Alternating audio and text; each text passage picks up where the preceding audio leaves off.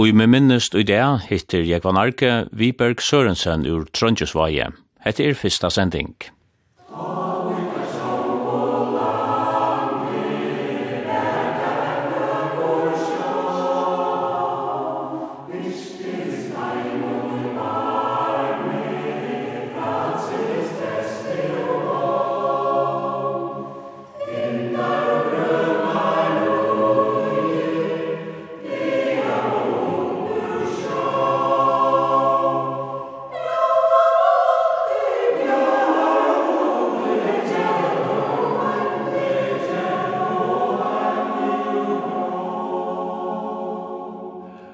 Vi færa i det at hitta Viberg Sørensen ur Trondjesveien.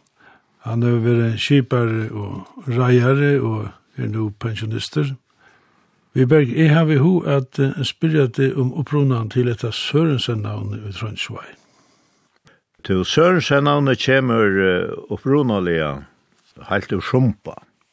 Og så kom det over Storedøymon, over Del, Husavik, Husavik, og så sår her. Det var så løs at det var ringa tøyer da først i og andre, ta galt nok om her noe å gjøre. Og her i Sumpa, ur mitt avlhus i Sumpa, her var tvær brøyer som domte godt å få oss vi gjør, og, og i døymon var Anjum Bonte. Så her sier han Anja, som søkte etter folk til å hjelpe til vi at teka seg av landbrukene og øyne. Og jeg var så tvær brøyer og sumpa som lei billett inn, kan man sija. Og hon spurte 24, og der ble så akseptera. Og der får så ut til Døymon, og får så i holdt vi at tega seg av øytene, stor Døymon. Og der bare reite Janus og Søren. Og det gikk godt.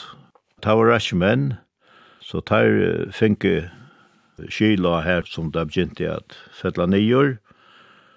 Og hent Antjan, hon gjør så av at Tarbai skulle festa øytna.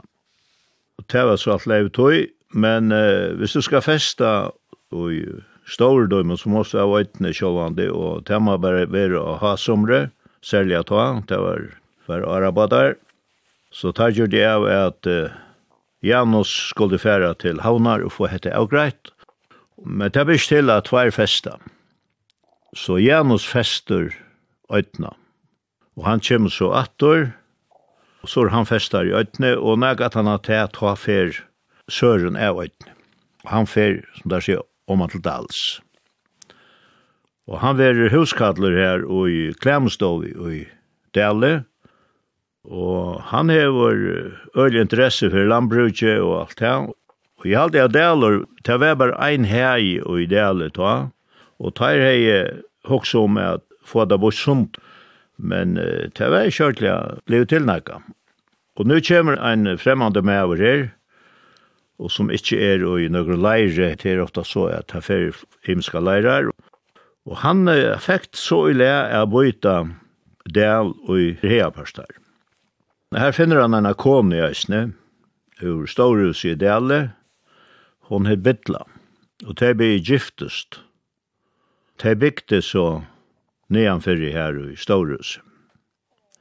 Tei få altså tvær synur, annar eitir Ole og annar eitir Janus. Og så Janus er føtter i 1828. Tei hei snakka og gjør, la nekka, men uh, Janus uh, til han yngre, han gift seg vi en agente ur Kjemmene og Skarvanes, som heter Katrina. Nog gjør og i tog hos noen, Så de fikk gjør henne fra, og hun la leit noen i Husavik. Her byggva de så. De får så tvær drøntjer. Og annar er det Søren, og annar er det Henus. Og hessen Henus, han ble så langt abbemoin. Og her vel løyde jeg gjør, det ble petta for nok sumter, Og jeg hørste Janus Jasørne, han, han sier at uh, Janus bygde i leiten og fest, men flyttet så husene til Dals. Han har åtta sindra å gjøre i Dale, og det ble ute i Skajestofton, til et estaste hus i Dale. Janus rønte jeg at jeg var til sjås, men han hei ikke sjånatur, så øyla rynker av sjåverk. Han var mer til Lambridge, og det var ikke noe veljo i helt. Så han var några turer av borste, men det er bare bare til. Og da jeg han finner kone, så er det en jenta av eie som har kommet så over til Husavvikar og en bondager her som heter bø. Det ble vel vel, det er sikst at hun hei finnes til arbeid at uh, spetja et, et ross. Men det er gikk så et eller annet, det stod i, i tjore. Og hennes kom så hjelp henne vis ned, og, og så så rann saman tar av mittel. Men tei bytja så her fyrst av, av leitnon, og færa så søyan til dals, og sette hus opp her av Skajestoft. Eit tiltid i Brim var i 1908 om alla fyrjar, og ta vær vante fyrir at husene her ute som stod så åttalega at de fåre av Brim, Men det blev så standande Og at han var til for henne så spekulerer på om hva nu et sårbrim kom atter og kanskje større, ja, så ble gælig av dem. Og han er litt langa gjør her. Han er arva ur sumpa. Eller oi sumpa hei han arva sindra av gjør, og til fikk han så flott til Sandvikar. Han bodde om vi en Sandviking. Så fyrir han bort til ut i Skekve ur Sandvik.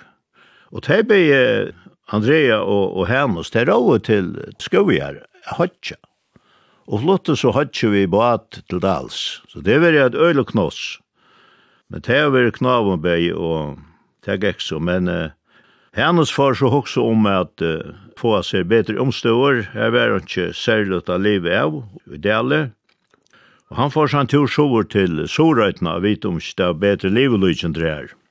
Og da han kom her til uh, Trøndsvoks, Då helt han hans när däleren inn etter, han var öjliga.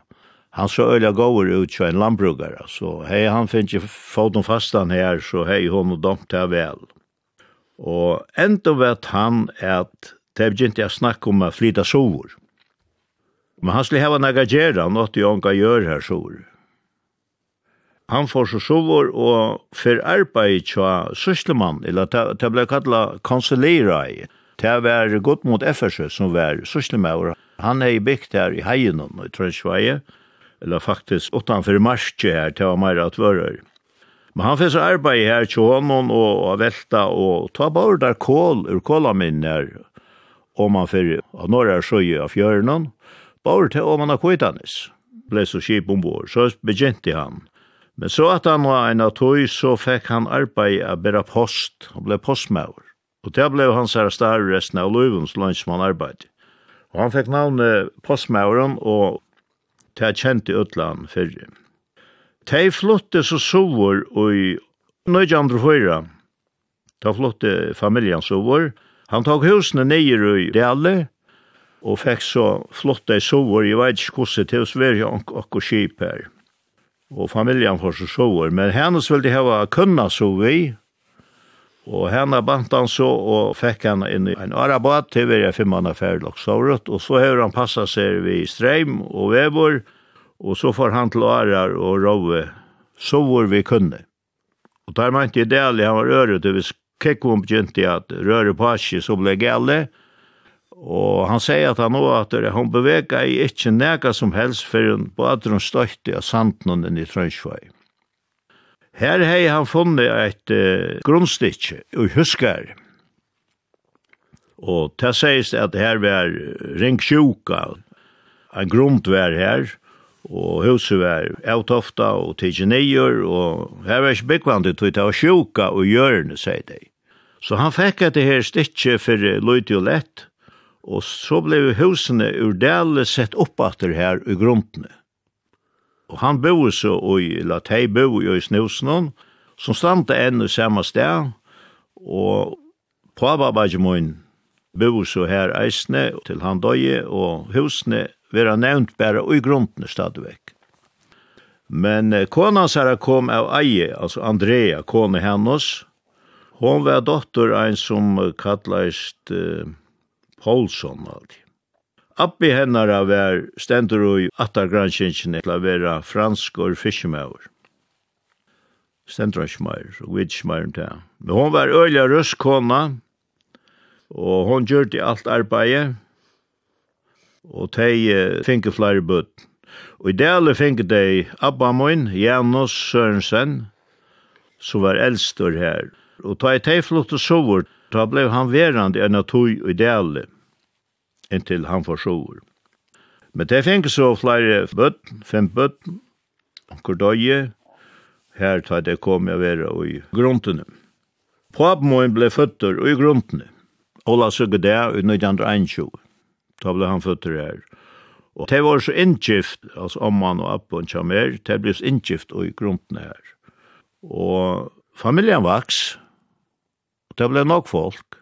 Og han sier til en av fire, da det var flest, da var det 25 folk i huset her. Til jeg var jo øylet, men han sier at uh, det var trutje borgangar, og det var trutje gifter som bo inne i sen og i, og i tog husen her. Og på min flotte så omgant ut, tog han for til kjoss som ung, og han ble så byggvandig her nere da han var heima, inntil han fikk sitt egna. Så hatt det her var uh, teg som kom ur dele, Og i det har jeg så familie i Husavøk, til her som bygger her av Leitnon og til Sørensens leie. Jeg tog jo hver en med vår særlig som tar Janus til Sørene. Han var ångt jeg sjoer til Abba noen til vår søsnabød. Og jeg minnes til var øyla stortlott da Janus kom. Han var så øyla lettsinte med vår, og han elskar jeg å fortelle gåa søver og kurta søgnon. Så han var ofta, tar våre en av tog, tar der kom jo på besøk. Og jeg minnes da så anker døye og samdøyene som Abbon kjente vel, så får han alltid til sans er fylltja. Ta var han åt av vekk. Så hadde her er familjen som kom tannveien i feirrettene kommer. Hva gjør han og i Trøndsveien? Hennes? Ja. Ja, Hennes ble som postmauer. Og han, uh, han bær så post tver fra vikna til uh, Öravigar, Famjon. og posthuset var ute av tvører, så han skulle ut av tvører etter posten. og så til Kvalbjar og Sandvikar. tver fra vikna. Og, og sånn er helt, her var John, Willem var postmaver her. De møttes så i Øravik, vi kurs de der, bytte post om og hvert så. Men uh, John Rowley om fjøren, og hei bat her i Pontavn i alt det, og etter postet her at fyrir ta han, kom var gangat. Og der er råkne ut anker at han og seg ikke tver for rundt om hjørnet, da er råkne ut. Og han gikk i øtlo vekkri, så her man har vært nok hvor uh, rinje deir, av etter deir, affæra av post lukka til uh, Sandvukar, og ta samme til Famjus. Og ta i han gaust vi er på postmauer, ta i vi tog Abbo, altså Janus, han fekk ikke annan navn utan Janus ja postmann ta jeg vaks opp. Og han var um, postmaur inntil at det ble nylagt ved a ganga av poste. Men jeg røy at vøra i kjeft en mjölkabad, som der skilte vi og etter mjölk. Og han ble så skipar i åsen her, mjölkabad. Og her var han også lunch, og, og der skilte gav han vekker eisne vestrum til famjons, og Det var så passasjerskipet som var i Sorøyden. Jeg vet ikke hva jeg har sagt nå, det er øyelig ballata at jeg smirer lykker enn det. Men det var så vever om hvis det var klikkvandet, så får det vi mjøkkabaten. Og det var til Sandvigara, Kvalpa, Øravøyk, Hov, Porskjere, Vå, og Lopra, og vedda vever så var det reisende i Sumpa. Så la oss veta ta. Ja, og han Appon, han ble så gifter ved en agent i Sirratofto. Hon kallar Sigrid, Sigrid Limberg. Hon var dotter Paul Johannes Limberg som bo i Syratoften her, om man fyrir huskar. Og ta var boilinganer i Trønsvei, ta var i huskare, ta var ta gamla, og så var ute i Svalbarde, og oppi arenanon, og ta var husne, og så her i Syratoften. Ta var nok så fitt i middelen, og uta tvører var heilt langt i middelen, ta var Det kom ikke mer bitching for sættene da. Og i det er alt sammenbygd. Men det ble også gift inn, inn i gruntene til Hennos og André, og her får de flere bøtt, og som sagt her ble pap med føtter, og her var det flere syskjon, her var Andrea, som var eldst, og så var det pappa, og så var det Amantos, og Hans, og Janus, og Osla. Det var fem syskjon. Men så kjøpte Abbon en hus omanfor veien her, husker jeg, så flottet de nian her, og til det som jeg minnes de, ta det bo her. Men Amman ble ikke gåmål her, hun er sikkert, hun uh, var dotteren i en A som smadjenta, eller hun var en tolvare gåmål, og hun brei beinet så ytla. Hun miste faktisk førleggen. hun gikk vi, vi stav i alt. Ta i hun var godt halvtrusj en halvtrusj år og sånt, Ta blei sjuk, en dag jeg noen, og ta var tarmslønkon hei, øylig poina. Ta var bara ein doktor her, vi norra i helt, og han var kunde være borstor i Ørendon Erastene, så ta blei båsendt etter Torshavn, for Torshavn så var for jeg flytte henne år. Papen må var heima, og han får så vid Torshavn ved mamma sønne og tei, en ringan tur norrur, og ta en kom hospitali og i havnet og døy. Så Abon blei åndsmauer i gåvun æron. Så begynte bøylingeren her at rørpasje ta vaksspeklea i huskare, og den eldste dotteren hans er Andrea, hun var gift ved Torbjørn Lisberg og smyene i Famjøn, til bygde hus, og de flott i husene her bænt ved søgne av Lekstedversken i Trønsvei ta flott i appen vid heimen inn her. Og her var han så, til han døy. Pappa, han silte, han får å sikla som unger, og han eh, ble så vel vid mamme, de ble forlova i, og hon kom av semmere, og de ble så inngift her ute, medan husene som åker bo i, ble bygd. Men eh, Det var uh, ringa tøyer da. Og papen min, han silte under ötlund krøyne. Fyrsta turen av borstu, ta var han vi Hamranes. Og ta var jo i Grønlandet, og ta da var jeg vi heim, ta halde i krutjebredde ut. Men han silte så under ötlund krøyne, vi imsk og kipon, Og vi var nelle, ta var vi snorrevått og i Norsjånen, han nevnte onka til nega særlig om krutjas. Det var jo det fyrre forskjelligen, men eh, her kom jeg alltid vel bors av oss til at det var en rikva kipon, og det var nok folk som, som ikke kom atter av den føreske fiskmånen. Så kom tøyen tøy, han får på skola og alt det, og åker flott inn.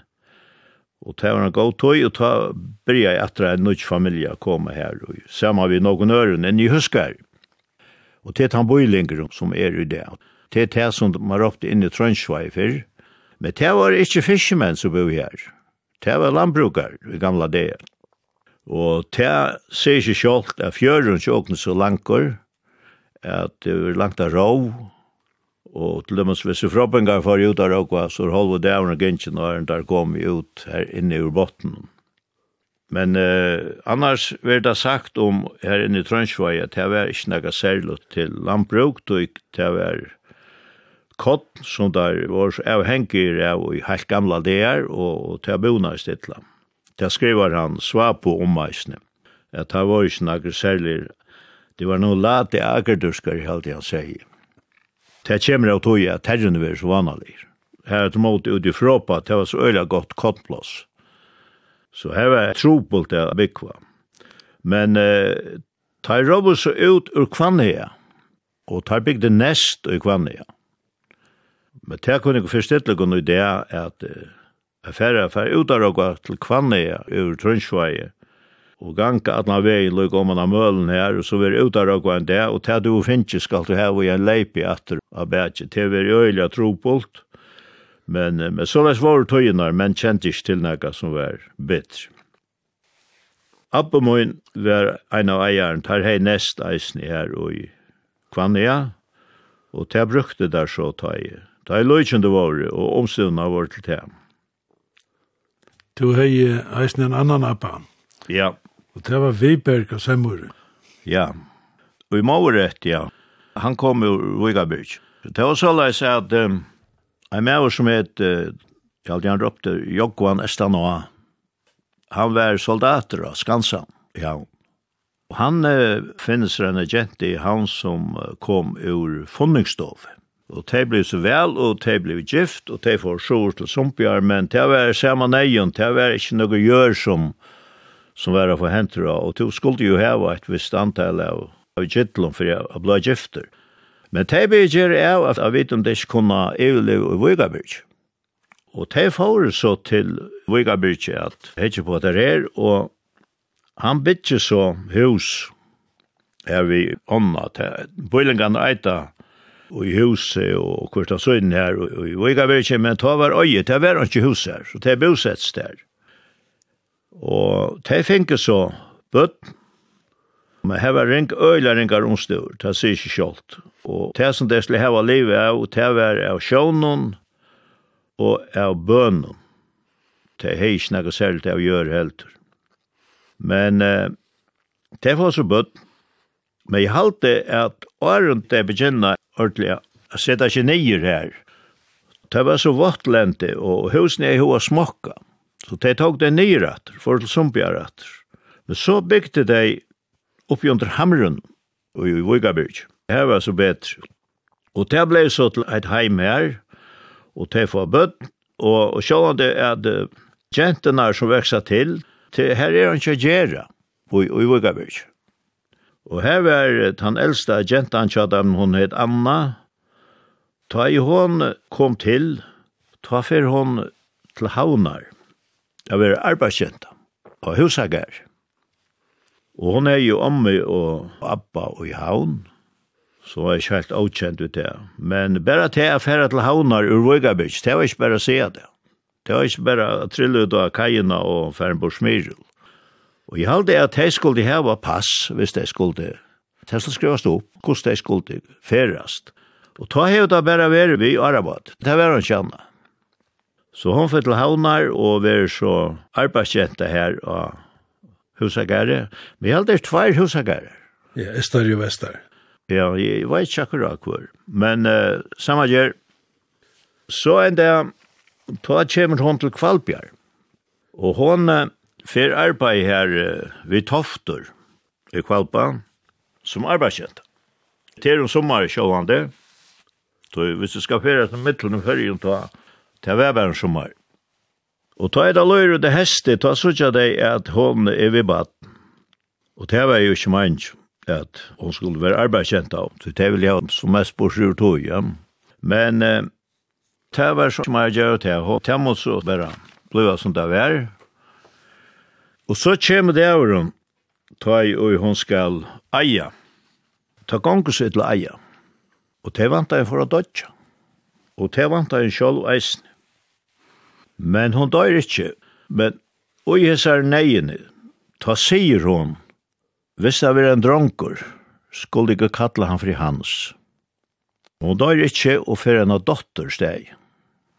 Og dotteren kom vel fra døy, og Anna kjem ikkje atter at han har føyingsna. Og så da det, ta i tøyene, så dukkar prester opp, han skal ha kjelos nere hver pape. Og hon hever na søvi om at hon var i havn, og til lå ei fremmand skip av havnene, og til å være matroser av tog skipen som var på oppi av batten. Og han sa vidt at hver til å være, men at jeg visste jo ikke, og heldig ikke hver for landsmøver eller nekka. Det finnes ikke mer på sjuren. Det var ikke så heldig at det vi ikke vita nekka. Så sysselmøver dukkar opp, og tek for høyr, og det var nok arbeid tja søslemann og vi søgnemannen at finn det oss ned. Og her er en rapport som er skriva fra søslemann og hun fra 1824, og i desember måned ta er der kom saman og iverhøyre seg jentene. Hun stendte vi søyt at hun veit ikkje navnet av pappa. Så det var ikkje mer å gjøre til. Men da badne skal så døypast, og presteren som døyper, han hever så spørst henne atter, Og så da til hver kommer hun fra, hun kommer i Vigabirke, og henta gentan som er døypt, hun er døypt Josefina Viberg. Det første fyr, og navnet Viberg blir nevnt. Og jeg mette bare at akkurat til tøyna, ta begynte folk å få andre ett navn, og, og det skulle brøytas, det var snakk av samme navn ja. Så henta jenta for navnet Josefina Viberg, og hun trøyves godt, Og til enda tog jeg tilbå affæra til gongke soratter til Vigavir, til Ammona og Abban og Vigavir.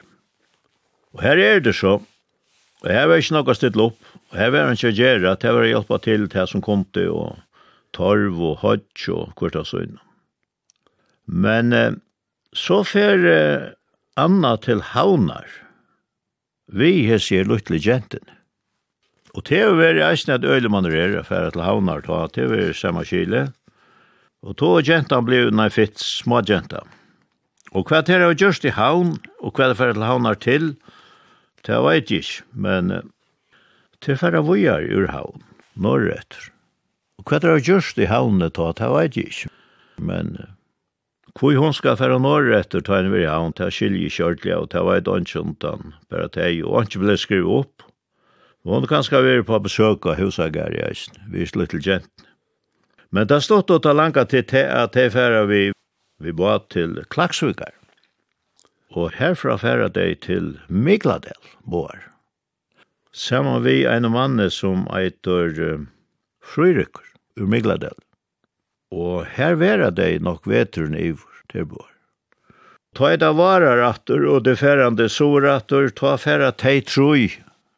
Fryrykkur, Anna og enda lytle Josefina, ta færa tei soratur til Vugabyrg. Så han færre at hei beie til Sumbjar og være gift i Sumbjar kyrk. Og så færre det etter til Vugabyrg og begynna så sutt familieløy her. Og det er altså inngift her tjata med gamle. Og så får at hei atterbøtt. Og til det snedet jeg at hei bøttene få etternavnet Viberg eisne. Frøyrykker het Frøyrykker Olsen ur Migladel. Og pabjansara var en som het Ole Olsen, og det var, så vidt jeg vet, ur en av huset som kallas det Men det huset er nok til i det. Men det er flere som eit Ole Olsen her norr, som er slekta ur Migladel. Og ta eldsta badnet tja heim og er en jenta som eitur Elisabeth. Hon får navnet Maria Elisabeth Viberg, og hon er født i 1808 trusj. Og tann jenta endar i Norra. Hun var gift her, og i Norra vi er en skipare. Og her finnes en mynd av henne og familjen. Det er noe den eldste mynden, så jeg var om av hans familjen. Og da gikk man ikke vi i ferdtelefon og tog bøylet og sår, så det finnes ikke bøylet der hos noen folk. Og det helder ikke nye skriva, det er bare fra folk til folk, hva man vet. De får altså en son, og den soner hun for navnet Ole Johan Viberg. Ole etter Abban og Migladeli, og Johan etter, ja, Tema Jokvan Estanoa, og så fer han eisne navnet. Og så ja, hever dette her navnet veri i familien.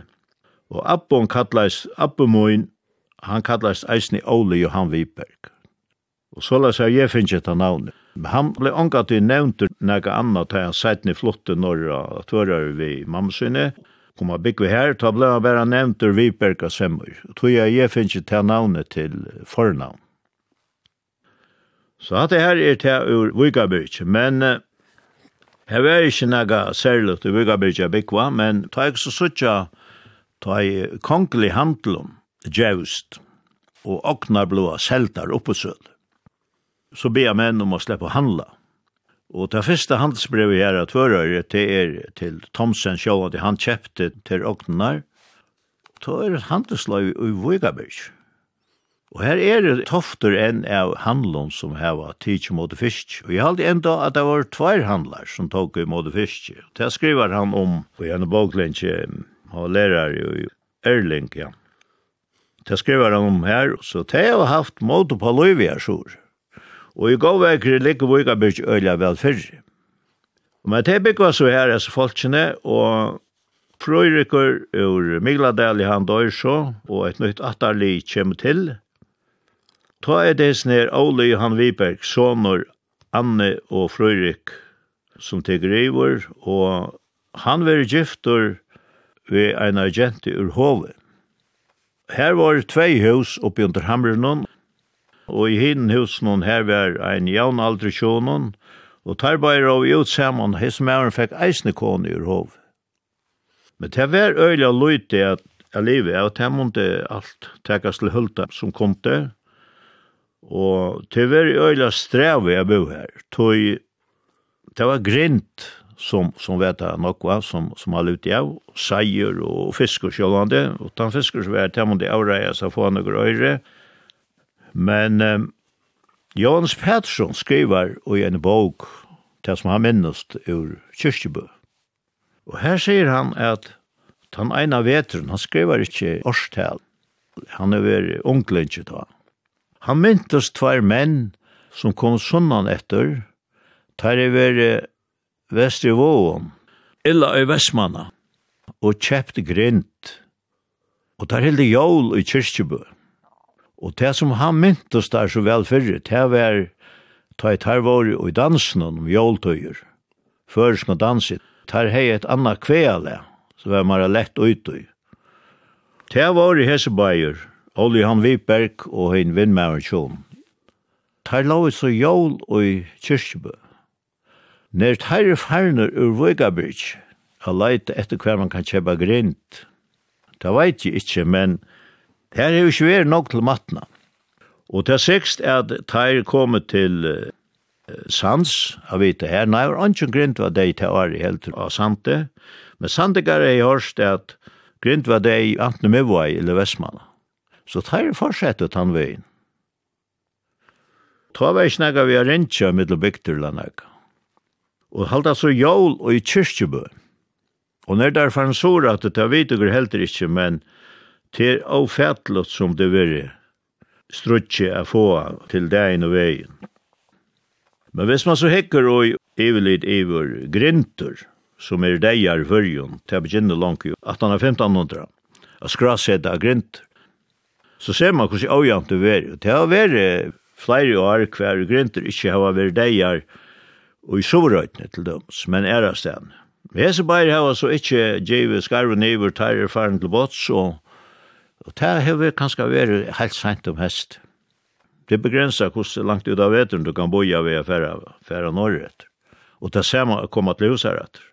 Og så høres jeg om hvordan folkene hjemme har haft det. Jeg ser bare er ferner her, ur kursen huset, under hamron her, og de vet så ikke mer fra dem at før der kom etter.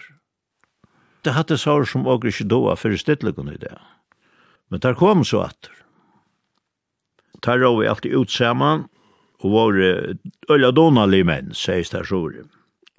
Og så høyra der en affær ur hov at hoppingar hei finnes øyla sei, nådakast.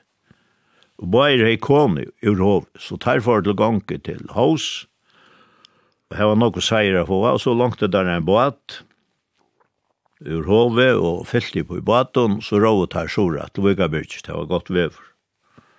Så jolene var det som bjerka. Der drog så baten opp her Vigabyrk, og så held det der jol. Men eh, fyrsta nødgjørsmorg, hans, tos øyla godt vever.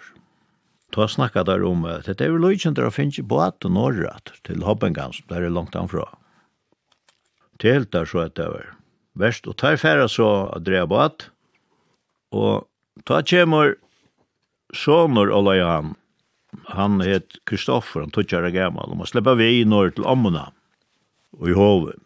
ommuna og appa. Til der det var ikke problem, du vekker var så godt. Så tar fare så til bots, og råver vi ut der i Norge grønnen, og porsninger sov på at råkva om fjørene, nå kjørs. Og det var godt vev.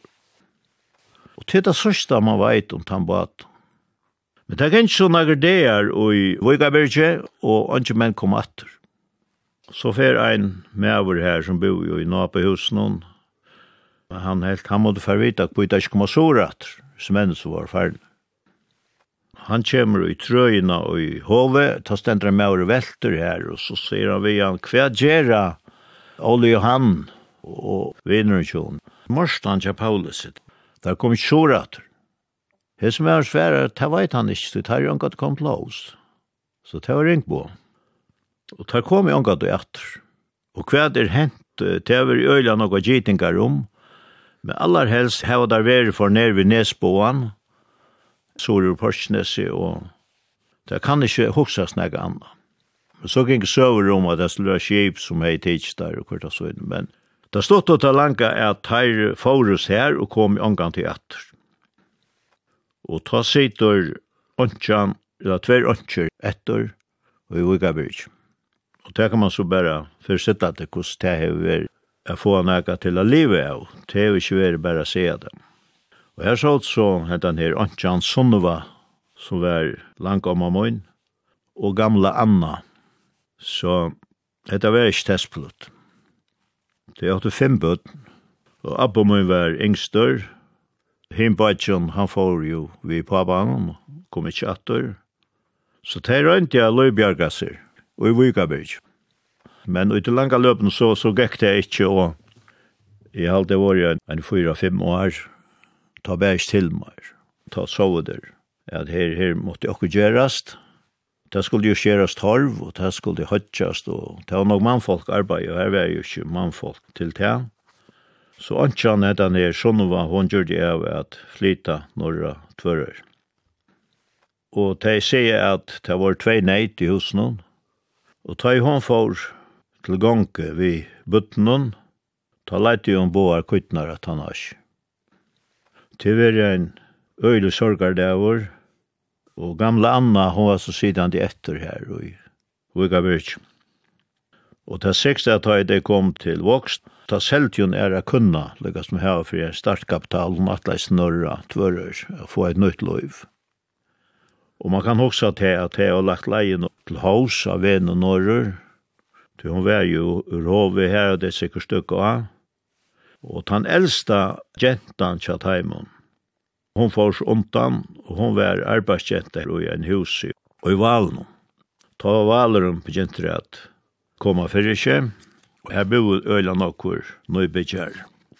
Josefina, som ble født i Kvalpa, hon ble gift til Famions, et hus der kallet i Gloppen. Men hon ble ikke gåmål, hon døg ta hon var først i halvtrusjon halvdje, men uh, det finnes ikke flere bøten, Det er store familier som kommer herfra, og en av dem er navnet Johanne Gloppen. Han ble giftet til Porskjøres. Og det ble flere Josefiner som ble oppkattlet her. Her i havn kona Sigra Rein, hun heter Josefina. Hon var oppkattlet etter Ammosøyne som ble født under sosvaren omstående vid Tofter i Kvalpa. Og hatt er lykka som en parster av søvende tjåkene. Og med til Løyte skrive opp omøter her. Øyla løyte, man veit løyte om det, men tar man så saunar til saman som er, og til som man høyrer, så er dette en pastor av okra identitet.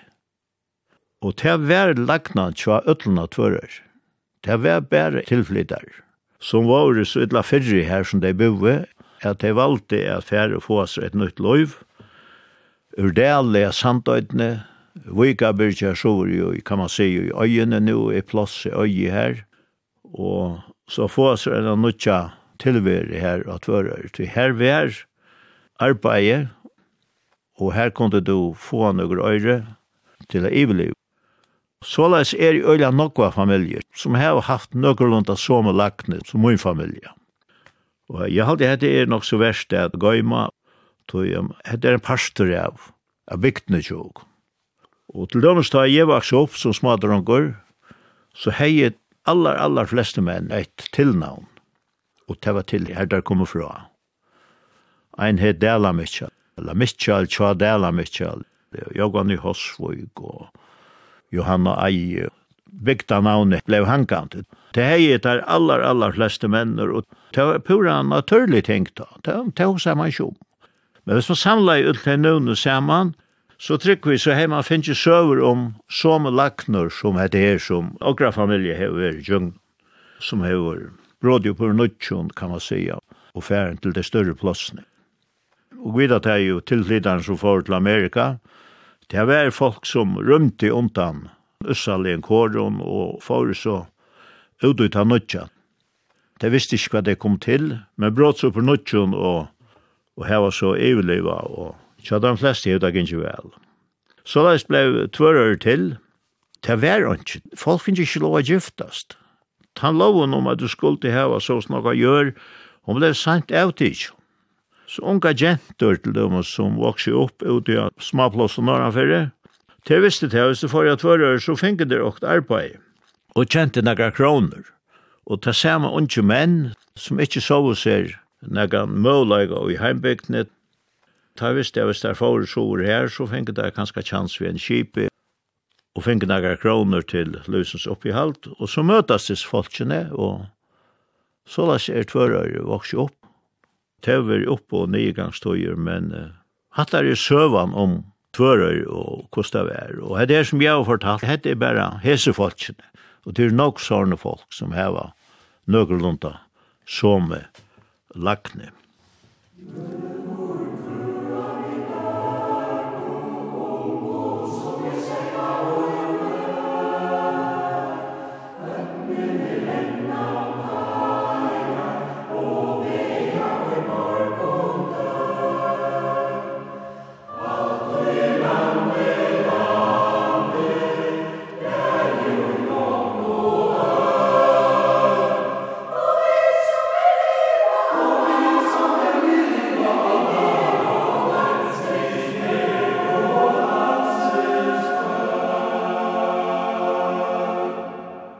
Hatta var sendingen med minnest. Jeg var narki hitte Viberg Sørensen ur Trondjesvaje. Hetta var fyrsta sending.